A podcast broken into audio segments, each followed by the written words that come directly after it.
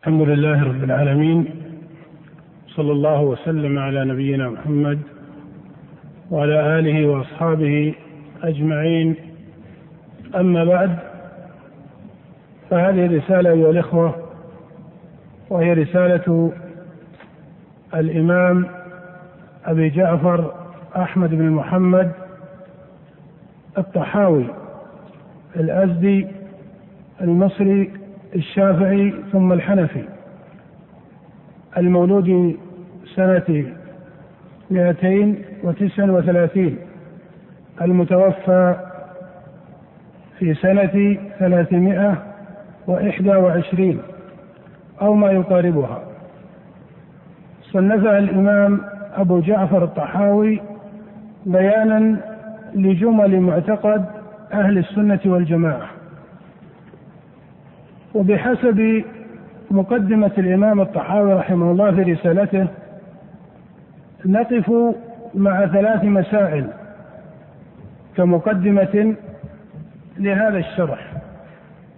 وقبل ذلك أشير إلى أمر يعرفه الإخوة أو أكثرهم هو أن هذه الرسالة تضمنت جملا يطول القول فيها. وترون أن هذه المجالس المحدودة في شرحها من الصعب أن تكون مفصلة لمسائل هذه الجمل. وعليه فإنا نأخذها إن شاء الله بطريقة الموضوعات. ذلك أنك إذا نظرت هذه الرسالة وجدت أن الإمام الطحاوي رحمه الله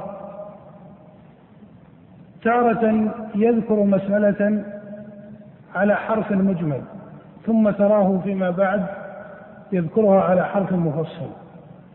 وربما ذكر بعض تفصيلها في موضع وترك بعضه إلى موضع آخر. وعليه فإنه يعتبر إن شاء الله الأخذ بموضوعات الرسالة والوقوف على جملها قدر المستطاع.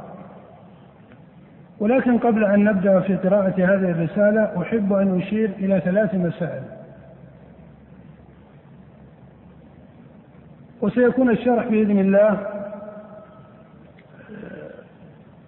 يأخذ إلقاء قد يكون فيه بعض الاستطراد وحتى يتمكن الإخوة من التقييد لما هو من المهم أن يقيد فإنه بعد كل استطراد يذكر حاصل المسألة بطريقة إملائية حتى يتمكن الإخوة من الكتابة عندها. المسألة الأولى تتعلق بمعتقد الإمام أبي حنيفة رحمه الله. المسألة الثانية تتعلق بمعتقد الإمام أبي جعفر الطحاوي. المسألة الثالثة تتعلق بالرسالة نفسها. لما؟ قال العلامة حجة الإسلام أبو جعفر الوراق الطحاوي بن مصر رحمه الله. قال هذا ذكر بيان عقيدة أهل السنة والجماعة على مذهب فقهاء الملة. أبي حنيفة النعمان بن ثابت. الإمام أبو حنيفة هو أحد الأئمة الأربعة وقد تكلم الناس في مذهبه في أصول الدين. وإذا نظرت بعض كتب الرجال أو حتى بعض كتب السنة المسندة كالسنة لعبد الله بن أحمد وجدت بعض المسائل التي يضاف القول فيها إلى أبي حنيفة على طريقة مخالفة لمعتقد السلف. ثم جاء أصحاب أبي حنيفة رحمه الله من بعده وكان من سبب بقاء هذا التردد عند كثيرين من الفقهاء والذين تكلموا في المقالات في شأن أبي حنيفة هو أن أصحابه هم أكثر أصحاب الأئمة الأربعة اختلافا وافتراقا في أصول الدين. فإنك تعلم أن الماتريدي حنفي والماتريدية تبع له أحناف. فأبو منصور الماتريدي الذي كان معاصرا لأبي الحسن الأشعري هو حنفي المذهب وهو من أعيان علماء الكلام ومن المعروف أن ما قرره في كتبه كالتوحيد والتفسير وغيره ليس هو معتقد السلف. بل إن طريقة أبي الحسن الأشعري بإجماع أصحاب السنة والجماعة خير من طريقة أبي منصور الماتريدي. فالماتريدية حنفية والكرامية أتباع محمد بن كرام السجستاني المشبهة أو الذين مالوا إلى التشبيه هم أيضا أحناف في الجملة. وخلق من الأشعرية حنفية. وطائفة من المعتزلة ولا سيما من متأخريهم كثر انتمائهم لمذهب أبي حنيفة. بل إن المعتزلة المتمذهبين في أحد مذاهب الفقهاء عامتهم على مذهب الإمام أبي حنيفة في الفقه وقد انتحلوا شيئا من كلامه في أصول الدين أو أضافوه إلى شيء مما قرروه. فضلا عن طوائف من الصوفية التي انتحلت مذهب الإمام أبي حنيفة. هو من حيث الجملة كثير من هذا الانتحال يكون في الفقه وفي أصول أبي حنيفة في الفقه ومسائله ولكن كثيرا منهم يطردون ذلك في مسائل أصول الدين. من حيث التأليف أو التصنيف فإن أبا حنيفة لم يثبت له مصنف واحد في مسائل أصول الدين وأشهر ما يذكر الفقه الأكبر. ومن المتحقق أنه ليس لأبي حنيفة وإنما كتبه بعض علماء الحنفية فيما بعد وأضافه من أضافه إلى أبي حنيفة. فلم يثبت لأبي حنيفة رسالة أو كتاب في مسائل أصول الدين.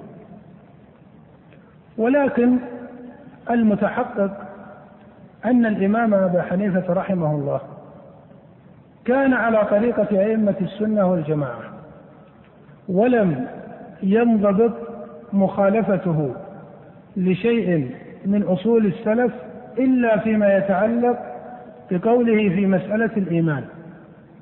فقوله في مسألة الإيمان هذه مسألة محققة عند عامة أهل العلم والمقالات وجمهور أصحاب أبي حنيفة ولم يتردد فيها إلا طائفة من المتأخرين الذين لم يحققوها آه، نفيا عن أبي حنيفة رحمه الله. فالمتحقق أن أبا حنيفة يقول بهذا المذهب الذي معتبره أن الإيمان هو التصديق بالقلب والإقرار باللسان وأن العمل ليس داخلا في مسمى الإيمان. وهذا مذهب حماد بن أبي سليمان الفقيه الكوفي الذي كان من تلاميذ إبراهيم النخعي. وهذه مسألة نأتي إليها إن شاء الله تفصيلا عند قول الطحاوي والإيمان واحد وأهله في أصله سواء. في المحصل أيها الإخوة أن أبا حنيفة رحمه الله لم ينضبط له مخالفة في أصول الدين. تخالف أصول السلف إلا مسألة واحدة وهي مسألة الإيمان.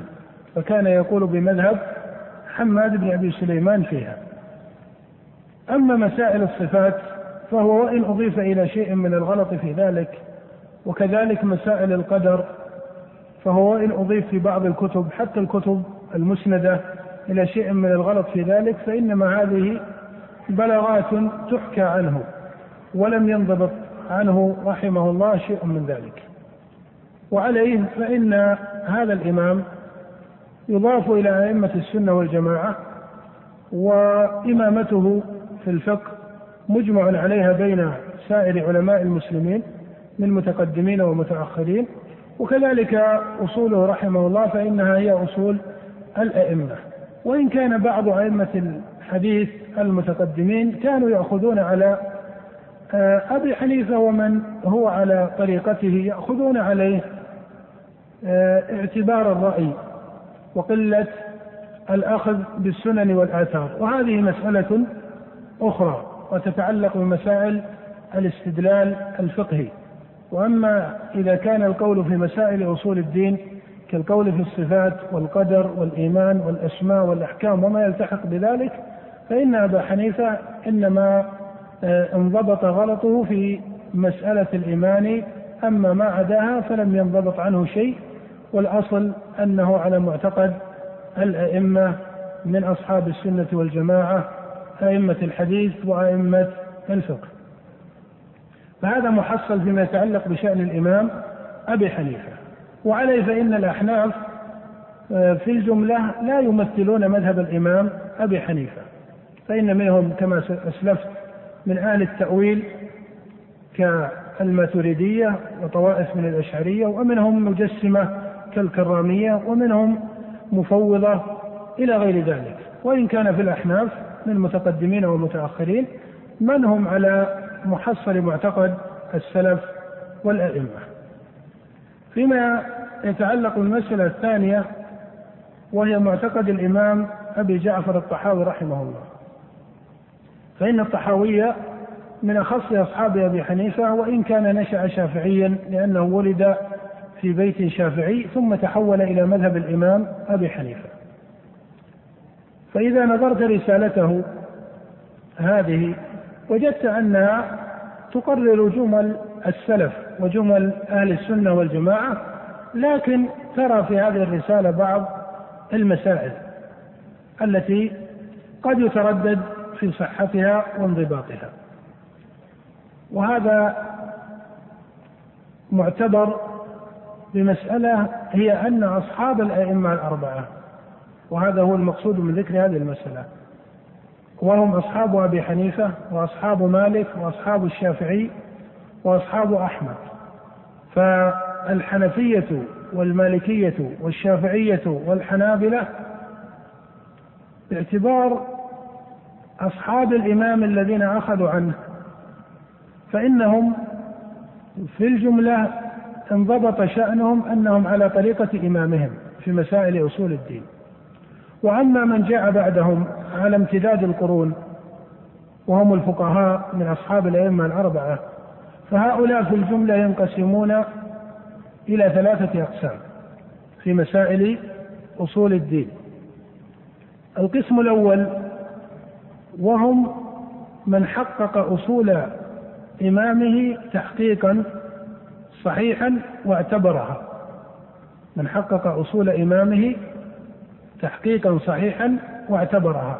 أي أنه يكون موافقا لمعتقد الأئمة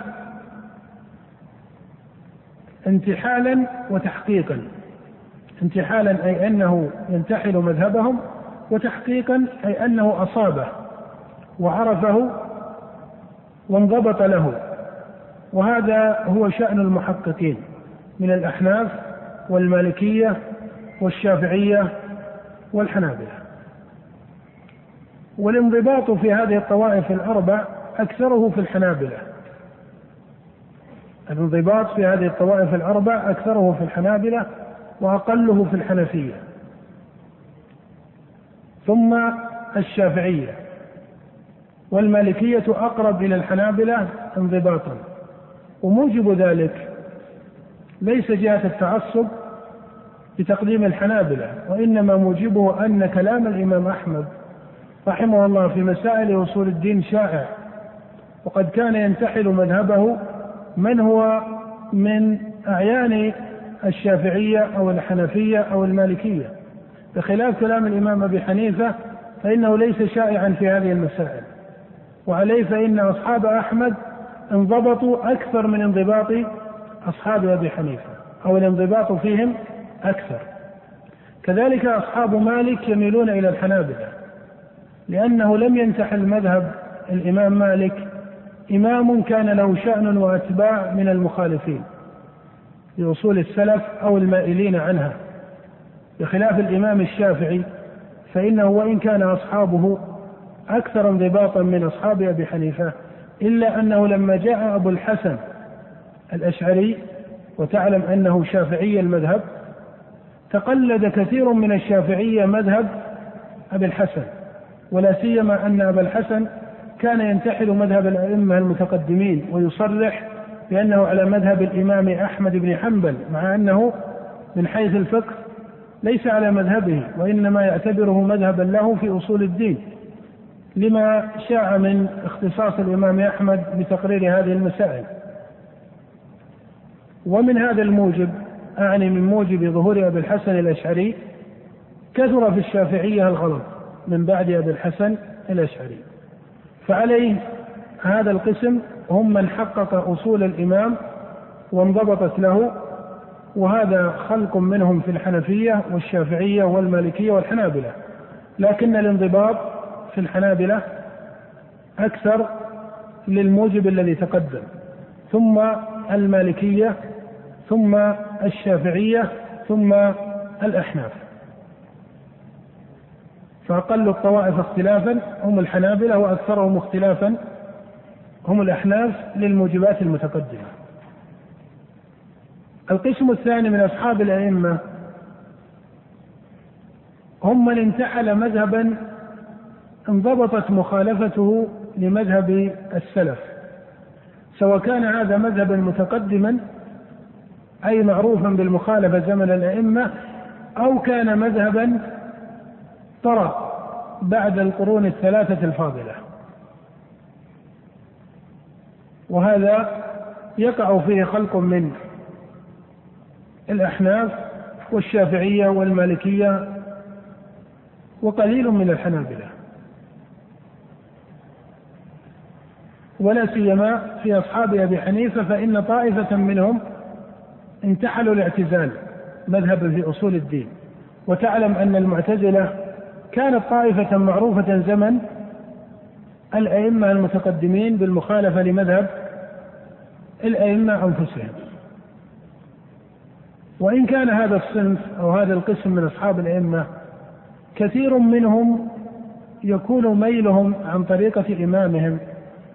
بانتحال مدرسة نشأت أو بانتحال مذهب نشأ بعد الأئمة أي بعد القرون الثلاثة الفاضلة. وأخص مدرسة حصل بموجبها الغلط هي مدرسة الإمام أبي الحسن الأشعري. فترى كثيرا من الشافعية والمالكية وطائفة من الأحناف على مذهب أبي الحسن الأشعري في مسائل أصول الدين. ومذهبه فيه موافقة للسنة والجماعة وفيه مخالفة. ولكن ولكن أصحابه من بعده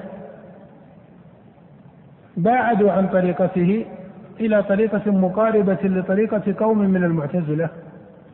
وعليه فإن المتأخرين من الأشاعرة أبعد عن أصول السنة والجماعة وأحرف السلف ومقالاتهم من الأشعري نفسه. فإنك إذا نظرت الأشعري وجدت أن طريقته مقاربة في كثير من مواردها لطريقة السلف مع أصول معتبرة عنده من الغلط والمخالفة للإجماع. لكن أصحابه من بعد كالقاضي أبي بكر الباقلاني باعد شيئا عن طريقته حتى جاء أبو المعالي الجويني فباعد مباعدة بينة ومال إلى طريقة أبي هاشم الجبائي المعتزلي. ثم جاء المتأخرون كمحمد بن عمر الرازي وأمثاله الذين خلطوا مذهب الأشعري بأصول من الفلسفة وكلام ابن سينا وشيء من كلام المعتزلة إلى غير ذلك. وعليه فإن مدرسة الأشعرية في طورها الأخير ولا سيما من بعد أبي المعالي الجويني باعدت طريقة الأشعري نفسه فضلا عن كونها مباعدة عن طريقة السلف. فهذا القسم هم من انتحل مذهبا مخالفا لأصول السلف وانتصر له وأخص ذلك الانتصار لطريقة الأشعرية. وأخص الطوائف الأربع بالانتصار لهذه الطريقة هم الشافعية لأن الأشعرية شافعية ثم المالكية. ثم خلق من الأحناف الذين أخذوا بمذهب الأشعري أو طائفة منهم أخذوا بمذهب المعتزلة وطائفة من الحنابلة قليل على ذلك. فإذا محصل القسم الثاني هم طائفة من أصحاب الأئمة الأربعة انتحلوا أصولا ومذهبا مخالفا لمذهب السلف. وإن كان كثير من هؤلاء يظن أن الذي انتحله ليس كذلك أي ليس مخالفا كما هو الغالب على علماء الأشاعرة. القسم الثالث ولربما هو الذي ينبغي ضبطه وفقهه وهم خلق من أصحاب الأئمة الأربعة طائفة من الأحناف والمالكية والشافعية والحنابلة لا ترى أنهم منضبطون على أصول الأئمة ولا ترى أنهم معتبرون لمذهب من المذاهب الكلامية كمذهب الماتريدي أو مذهب الأشعري أو غير ذلك وإنما هم ينتحلون أصول الأئمة ويعرفون جملهم ولكنهم يغلطون عند تفصيلها في بعض الموارد. هم طائفة انتحلوا أصول الأئمة وعرفوا جملهم وعظموا السنن والآثار وذموا البدع ولكنهم إذا أخذوا في تفصيل هذه الجمل غلطوا في بعض مواردها. وهذا شأن وقع فيه خلق من الأحناف والمالكية والشافعية والحنابلة. وموجب هذا الاختلاط أنهم مائلون إلى الأصول التي عرفت عن الأئمة. لكن لكون طائفة من أصحابهم أي ممن يشاركهم في الانتماء للمذهب الفقهي لهم اتصال بمدرسة كلامية كالاعتزال أو الماتريدية أو الأشعرية أو غيرها فيكون عندهم تأثر بهؤلاء. بمعنى أنك إذا اعتبرت أن من الشافعية من هو على طريقة المتكلمين فترى أن بعض الشافعية الذين لم يحققوا طريقة السلف يتأثر بطائفة من أصحاب الشافعية المتكلمين فيدخل على طريقته شيء من المقولات الكلامية أو التأويلات الكلامية أو نحو ذلك. وهذا هؤلاء مستقل فيه ومستكثر. وهذا الصنف يكثر في الحنابلة أكثر من غيرهم. وإذا اعتبرت ابن عقيل وقبله القاضي أبو يعلى وكذلك التميميون من الحنابلة كأبي الحسن التميمي وأبو الفضل التميمي وأمثالهم فإنهم من أهل هذه الطريقة. متأثرون بشيء من الغلط في مسائل أصول الدين لكن هم من حيث الجملة على أصول الأئمة. فإذا هذه محصل أصحاب أو أقسام أصحاب الأئمة. القسم الأول محققون لأصول أئمتهم. القسم الثاني غلطوا على مذهب الأئمة. وفارقوا مذهبهم بانتحال مذهب مخالف القسم الثالث وهم الذين ترددوا بين هذا وهذا. المسألة الثالثة بشأن رسالة الطحاوي نفسها. الرسالة كما سلف هي على جمل أهل السنة والجماعة. لكن مع هذا فإن هذه الرسالة صار لها ذيوعا أو ذيوع وشيوع وموجب ذلك أن الطحاوي رحمه الله أجمل بعض المسائل التي هي محل نزاع بين المتأخرين. ولربما عبر بأحرف هي من أحرف أبي الحسن الأشعري التي عرف بها. ولربما عبر بأحرف عرفت عن خلق من المتكلمين في بعض المسائل. وعن هذا ترى أن السبكي مثلا وهو من الأشاعرة المتعصبين يقول بأن أصحاب الأئمة الأربعة معتقدهم في الجملة واحد وهو ما قرره أبو جعفر الطحاوي رحمه الله. فمثلا الطحاوي لما ذكر مسألة القدر قال وأفعال العباد كسب لهم. وتعلم أن لفظ الكسب وإن صح التعبير أن مصطلح الكسب مصطلح عرفت به مدرسة الأشاعرة. ولما ذكر مسألة العلو قال وتعالى عن الحدود والغايات والأعضاء وقال ولا تحويه الجهات الست كسائر المبتدعات. هذه الأحرف من الأحرف التي يعبر بها وكذلك مسألة تكليف ما لا يطاق. عبر بنفس الأحرف التي يعبر بها علماء الأشاعرة. فلهذا الإجمال أو لهذه التعبيرات وهي قليلة بالنسبة إلى جمل الرسالة صار لهذه الرسالة من الشيوع بمعنى أن الرسالة لم تكن في بعض مواردها صريحة في إبطال مذهب الأشعرية على التفصيل. بل فيها جمل فيها مقاربة للمذهب أو إجمال مع المذهب الأشعري. ومن هذا الوجه فإن هذه الرسالة قد شرحها جملة من الأحناف على طريقة الأشعرية تارة وعلى طريقة الماتريدية تارة وشرحها ابن أبي العز الحنفي على ما هو معروف عن الأئمة والسلف. وهو الشرح المعروف اليوم. فلهذا الإجمال في الرسالة أمكن لكثير من شراحها أن يصرفوا بعض جملها إلى مفصل معتقد مذهب الأشعرية أو إلى مفصل معتقد مذهب الماتريدية. مع أن التحقيق أن هذا الصرف أو التأويل ليس صريحا في الرسالة بمعنى أن الرسالة إذا قرأتها وجدت أن فيها جملا كثيرة صريحة في مخالفة مذهب الأشعرية.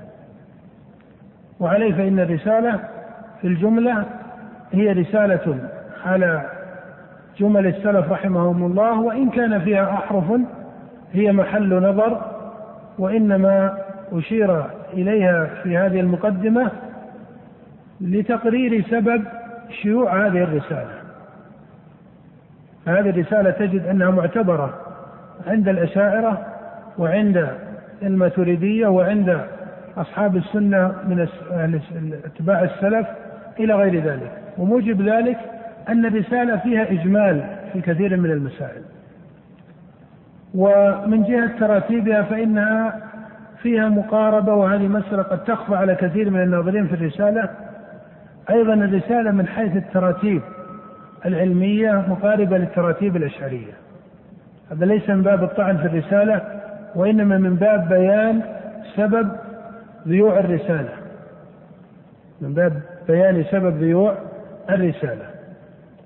لكن تبقى الرسالة في الجملة من رسائل المعتقد السلفي الصحيح ولربما أن هذا الإجمال وإن كان فيه نظر ومراجعة إلا أنه قد يكون من الفقه في طالب العلم أو عند طالب العلم أن تكون هذه الرسالة آه، من الرسائل التي يمكن تقرير مذهب السلف تحتها وتكون محل قبول لكثير من الناس الذين قد يكون عندهم نوع من التعصب ضد بعض الرسائل التي عرفت بالصراحة بتقرير مذهب السلف كرسائل شيخ الإسلام ابن تيمية وأمثاله فإن هذه الرسائل قد لا يتلقاها كثير ممن عندهم مخالفة لأصول السلف أو مقالاتهم.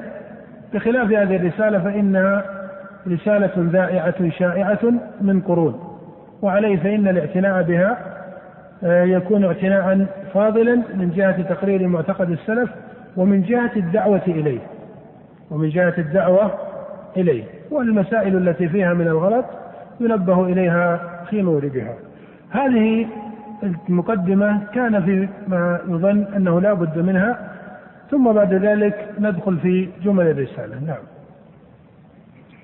لله رب العالمين الصلاة والسلام على أشرف الأنبياء والمرسلين.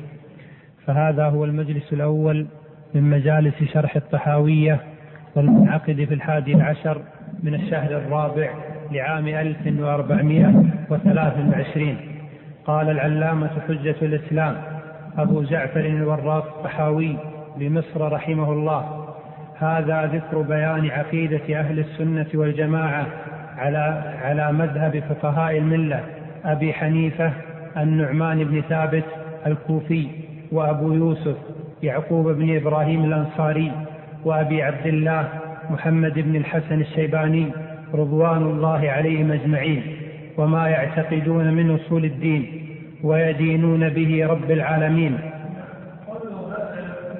ذكر بيان عقيدة أهل السنة والجماعة.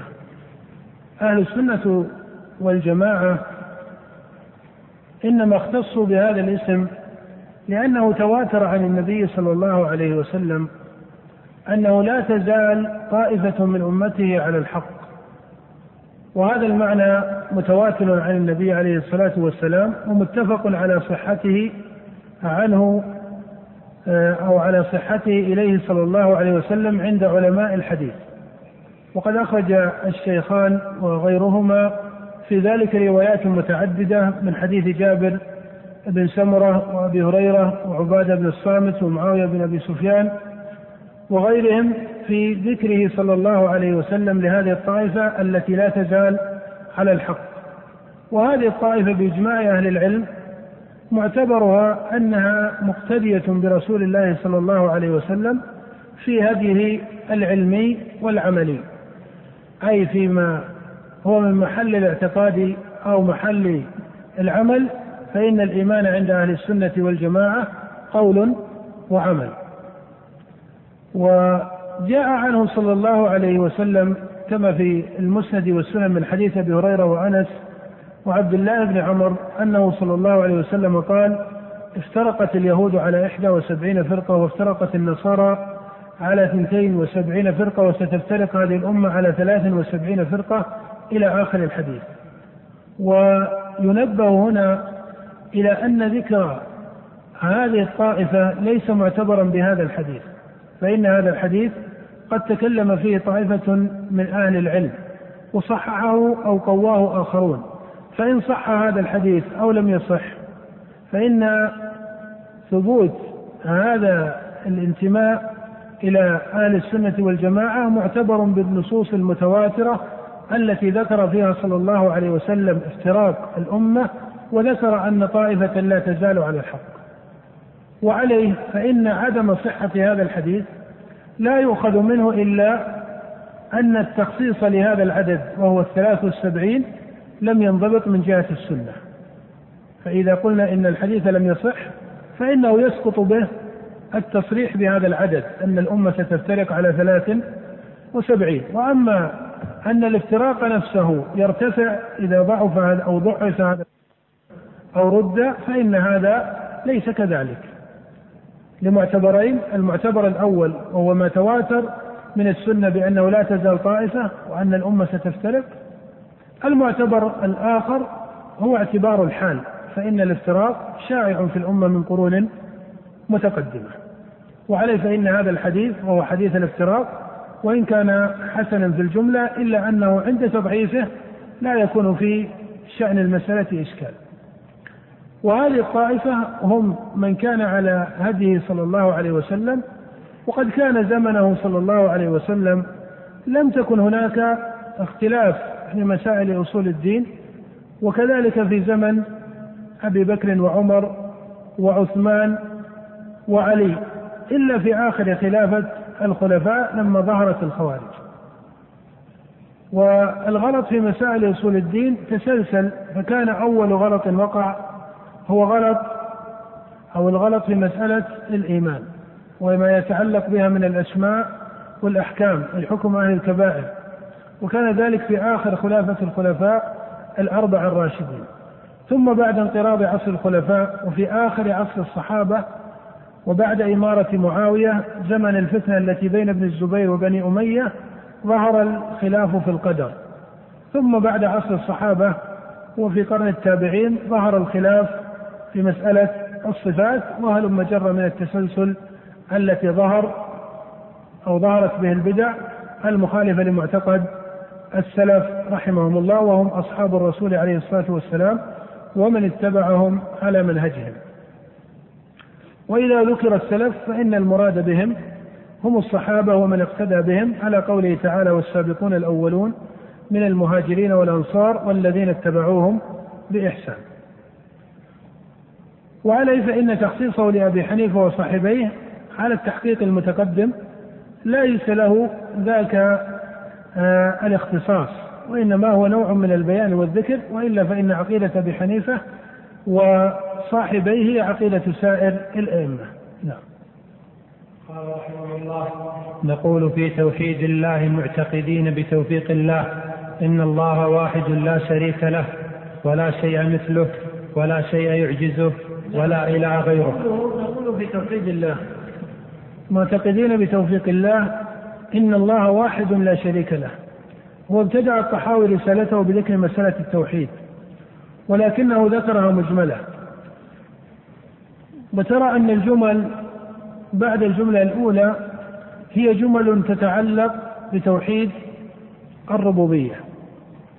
تتعلق بتوحيد الربوبية وأما توحيد الألوهية فإنه ذكره مجملا.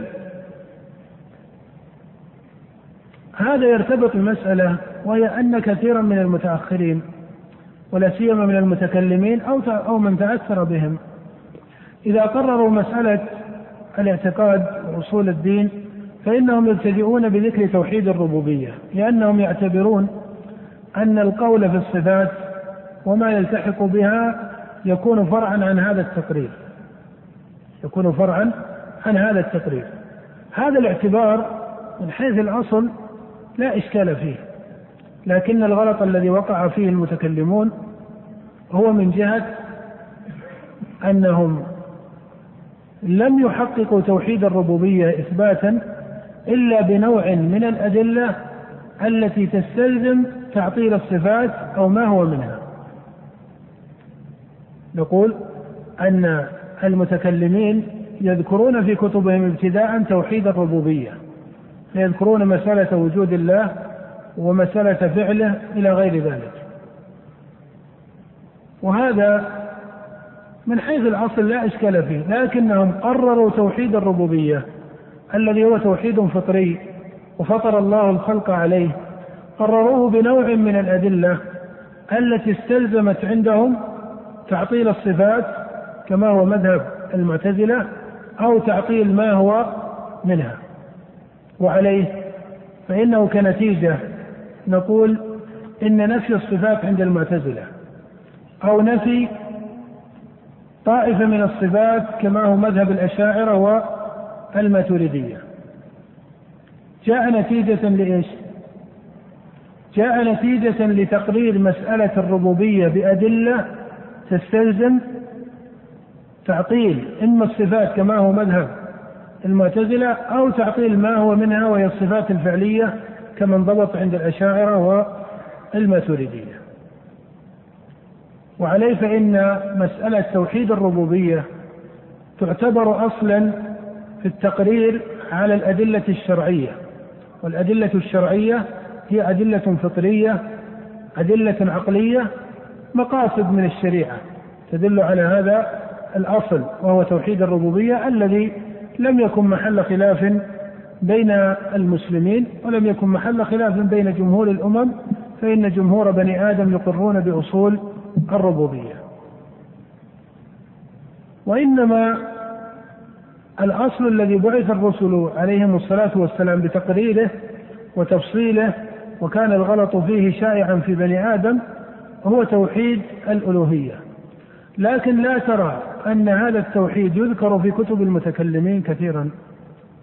ليس لأن المتكلمين يرون جواز الشرك مثلا في الألوهية وإنما من جهة أنهم يعتبرون أن مسائل الصفات وما يتعلق بها من المسائل يرتبط تقريره بمسألة الربوبية. فلا بد من تقرير توحيد الربوبية ثم بعد ذلك تقرر مسائل الصفات والأفعال إلى غير ذلك. هذا الترتيب كما أسلفت. الإشكال فيه الأساس أو الإشكال الأكبر أنهم لم يقرروا توحيد الربوبية إلا بنوع من الأدلة التي استلزمت تعطيل الصفات أو ما هو منها. هو صحيح أنك ترى في كتب الطوائف من أشاعرة أو معتزلة أو ماتريدية تقرير توحيد الربوبية بأدلة صحيحة لكنهم لا يكتفون بها بل يذكرون هذه الأدلة الصحيحة ويذكرون أدلة أخرى تستلزم هذا التعطيل للصفات أو تعطيل ما هو منها. ومن هذا الوجه أو من هذا الموجب صار ذكر توحيد العبادة والطاعة ليس شائعا ومعروفا في كتب علماء الكلام لأنهم يرون أنه مسألة منفكة ويرون أنها مسألة ليس لها اتصال بهذا التقرير الذي اعتبروه وهذا من أوجه غلطهم في تقرير هذا التوحيد. الإمام الطحاوي رحمه الله قال إن الله واحد لا شريك له. وهذا من أثر السنة عليه رحمه الله فإنه ذكر مسألة توحيد الربوبية وتوحيد الألوهية. وكان الشائع في كلام المتقدمين من أهل العلم أن التوحيد توحيد علمي وتوحيد إرادي أو توحيد المعرفة وتوحيد الطلب والقصد. ويذكرون توحيد المعرفة أو التوحيد العلمي هو توحيد الربوبية ويدخل في الربوبية مسألة الأسماء والصفات. ويكون التوحيد الطلبي أو الإرادي هو توحيد العبادة الذي هو إفراد الله سبحانه وتعالى بالعبادة الظاهرة والباطنة. ولكن لما حصل من القول في الأسماء والصفات من التعطيل المخالف للتوحيد فيها فإن طائفة من أهل السنة والجماعة صاروا يخصون الأسماء والصفات باسم مختص فصاروا يقولون توحيد الربوبية وتوحيد الأسماء والصفات وتوحيد الألوهية. هذه تقاسيم هي من باب الاختلاف اللفظي هي من باب الاختلاف اللفظي الذي ليس تحته اختلاف تضاد فقوله نقول إن الله واحد لا شريك له. هو سبحانه وتعالى واحد لا شريك له لا شريك له في ربوبيته ولا شريك له في ألوهيته ولا شريك له في أسمائه وصفاته. وهذا هو تفسير هذه الجملة على معتقد أهل السنة وترى أن هذه الجملة إن الله واحد لا شريك له شائعة في كلام المتكلمين ولكنهم يقولون إن الله واحد لا شريك له في ذاته لا شريك له في أفعاله لا شريك له في صفاته حسب تفسيرهم للصفات والأفعال. حسب تفسيرهم للصفات والأفعال. ويكون الغلط على هذا التقدير من جهتين من جهة أنهم لم يذكروا توحيد الألوهية فقالوا واحد في ذاته واحد في صفاته واحد في أفعاله. ترى أن هذه تقع تحت توحيد الربوبية. والأسماء والصفات فلم يذكروا عن المتكلمين توحيد الألوهية. وأيضا فإنهم حين يقولون واحد في أفعاله وواحد في صفاته يقصدون مذهبهم المقرر في الصفات والأفعال المخالف للسلف. هذه أو هذا هو مراد المصنف بقوله إن الله واحد لا شريك له. قال ولا شيء مثله. هذا معتبر بقوله تعالى ليس كمثله شيء. فقال ولا شيء مثله معتبر بقوله تعالى ليس كمثله شيء. وهذا من النفي المجمل في القرآن.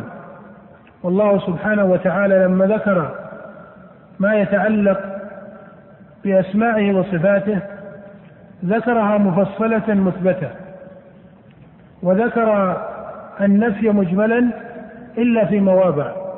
كقوله تعالى لا تأخذه سنة ولا نوم وكقوله ولا يظلم ربك أحدا إلى غير ذلك. وهذه مسألة نقف معها بعض الشيء باعتبار أنها من قواعد منهج أهل السنة والجماعة في مسألة الصفات. فإنهم يقولون إن الله موصوف بالإثبات والنفي. إن الله موصوف بالإثبات والنفي.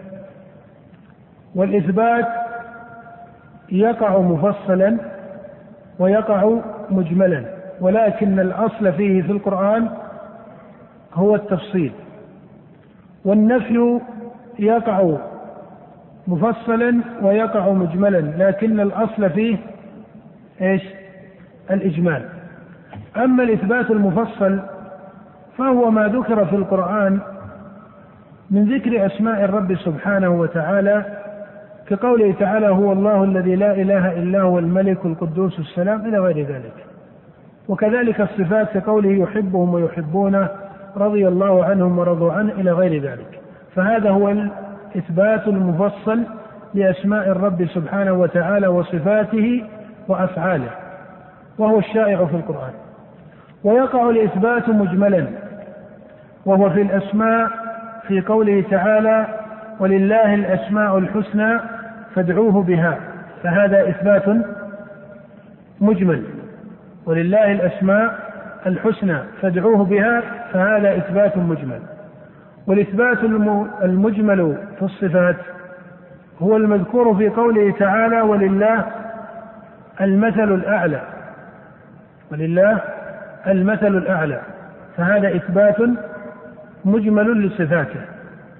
وعند هذه الآية قرر أصحاب السنة والجماعة ولا سيما من تأخر كشيخ الإسلام ابن تيمية رحمه الله أن كل كمال لا نقص فيه بوجه من الوجوه وهو الكمال المطلق فإن الخالق أولى به. وإنما تكلم المتأخرون كشيخ الإسلام بهذا التفصيل مع أنك إذا تتبعت قد لا تجد هذه الأحرف تكثر في كلام السلف وموجب ذلك أن مصطلح القياس من حيث اللغة العربية مصطلح يقتضي نوع من التشابه أو التماثل أو إلحاق شيء بشيء فلم يكن معتبرا في مسائل الصفات ولكن لما تكلم أهل الاصطلاح بمصطلح القياس على معنى قياس الشمول وقياس التمثيل وقياس الأولى إلى غير ذلك. صار كثير من أهل الكلام يعتبرون مذهبهم بنوع هو عند التحقيق من قياس الشمول أو قياس التمثيل مع أنهم لا يسلمون بذلك لكن هذا هو حقيقة المذهب. فلما وردت مسألة القياس هل يستعمل في حق الله سبحانه وتعالى في صفات القياس؟ قال من قال من المتأخرين من أصحاب السنة والجماعة إنه يستعمل في حقه سبحانه قياس الأولى. وقياس الأولى هو على المعنى المتقدم أن كل كمال مطلق لا نقص فيه بوجه من الوجوه فإن الخالق أولى به. هذا المقصود بقياس الأولى. ومأخذهم في هذا القياس هو قوله تعالى ولله المثل الأعلى هو تسميته مثلا أصح وينبغي ألا يسمى قياسا إلا إذا قصد بذلك البيان إلا إذا قصد بذلك البيان للمخاطب أو إذا قيل أيصح استعمال قياس الأولى في حق الله سبحانه قيل نعم ولكن يسمى مثلا أعلى ولا يسمى قياسا اقتداء بحرف القرآن. اقتداء بحرف القرآن ولأن القياس لفظ حصل فيه اشتراك وحصل فيه إجمال وجمهور صور القياس لا تليق بالله سبحانه وتعالى. وإنما يذكر قياس الأولى وينبغي ألا يسمى قياسا بل يسمى المثل الأعلى ولهذا ترى أن الإمام ابن تيمية رحمه الله في الرسالة التدمرية قال ويتحقق هذا بأصلين شريفين ومثلين مضروبين ثم ذكر الروح ونعيم الجنة. المثلين المضروبين هنا أو المثلان المضروبان هنا هما من باب قياس إيش؟ الأولى. لكن سماهما مثلا اقتداء بحرف القرآن. فإذا قيل هل يصح استعمال القياس فإن كان المراد قياس الأولى فهو صحيح لكن يعبر عنه بالحرف الشرعي وهو المثل الأعلى. وأما النفي المجمل في القرآن المعتبر عند أهل السنة فهو المذكور في مثل قوله تعالى ليس كمثله شيء وأما النفي المفصل فهو المذكور في مثل قوله تعالى لا تأخذه سنة ولا نوم ولا يظلم ربك أحدا إلى غير ذلك. والنفي المجمل هو الأصل وأما النفي المفصل فهو فرع عن الإثبات. وما معنى أنه فرع عن الإثبات؟ نقول النفي المفصل كقوله تعالى ولا يظلم ربك أحدا هو فرع عن الإثبات. معنى هذا أنه ليس في القرآن نفي مفصل يراد به النفي المحض. ما المقصود بالنفي المحض؟ النفي المحض أي النفي الذي لا يتضمن أمرا ثبوتيا. النفي المحض هو النفي الذي لا يتضمن أمرا ثبوتيا.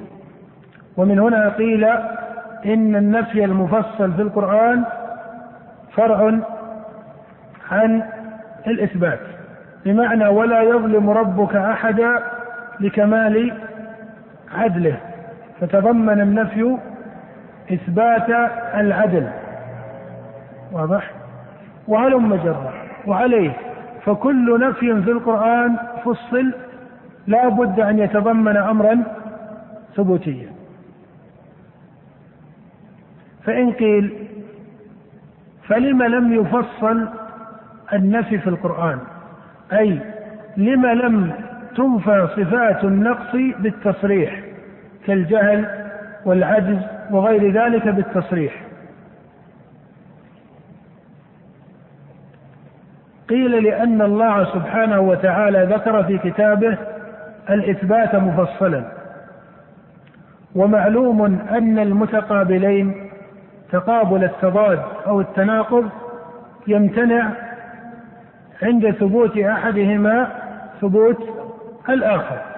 بمعنى أن الله لما وصف نفسه بأنه سميع وأنه بصير وأنه موصوف بالكلام والقدرة إلى غير ذلك علم بضرورة العقل أنه منزه عن عن ضد ذلك.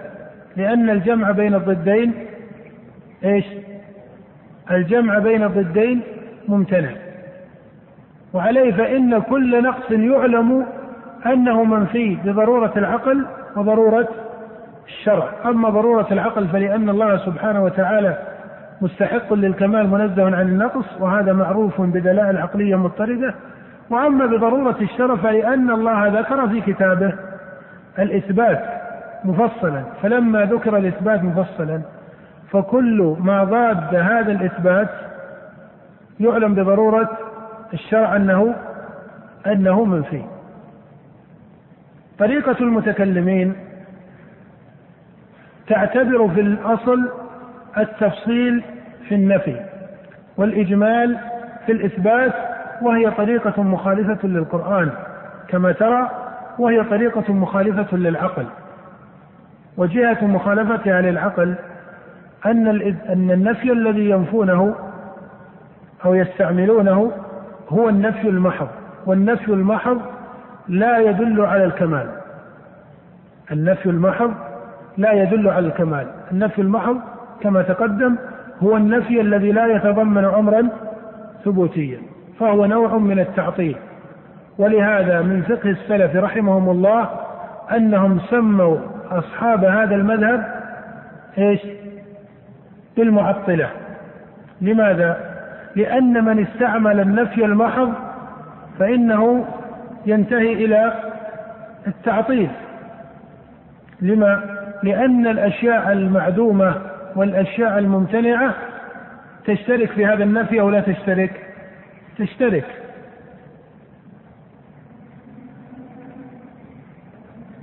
حيث أن من أخص القواعد الشرعية والعقلية أن كل موجود لا بد أن يكون له له صفات تليق به. والله سبحانه وتعالى هو الخالق البارئ الذي خلق الخلق وأبدع الكائنات فلا بد أن له من الصفات التي يحصل بها هذا الكمال. وعليه فالمصنف قال ولا شيء مثله. نقول هذا معتبر بقوله تعالى ليس كمثله شيء. قوله ليس كمثله شيء. ليس كمثله شيء موجود أي قائم في الوجود وليس كمثله شيء متصور الوجود فإن الله سبحانه لا يحاط به علما. وعليه فإن كل متخيل يتخيله الذهن أو العقل. وكل موجود علم وجوده أو لم يعلم أي اطلع المكلفون على ماهية وجوده أو لم يطلعوا. فإن الله سبحانه وتعالى منزه عن هذا. وقوله ليس كمثله شيء أي ليس كمثله سواء كان هذا المثل موجودا أو كان متصورا في الذهن أو كان مفروضا في الذهن. ليس كمثله شيء سواء كان هذا المثل موجودا في الخارج فإن كل موجود في الخارج لا بد أن يكون إيش؟ مخلوقا والله منزه عن مماثلة المخلوقات. وليس كمثله شيء حتى ولو كان هذا المثل متصور في الذهن. فإن كل ما تصوره الذهن حتى ولو تصوره الذهن بصورة كمالية فإن الله أعظم من ذلك والله منزه عن ذلك.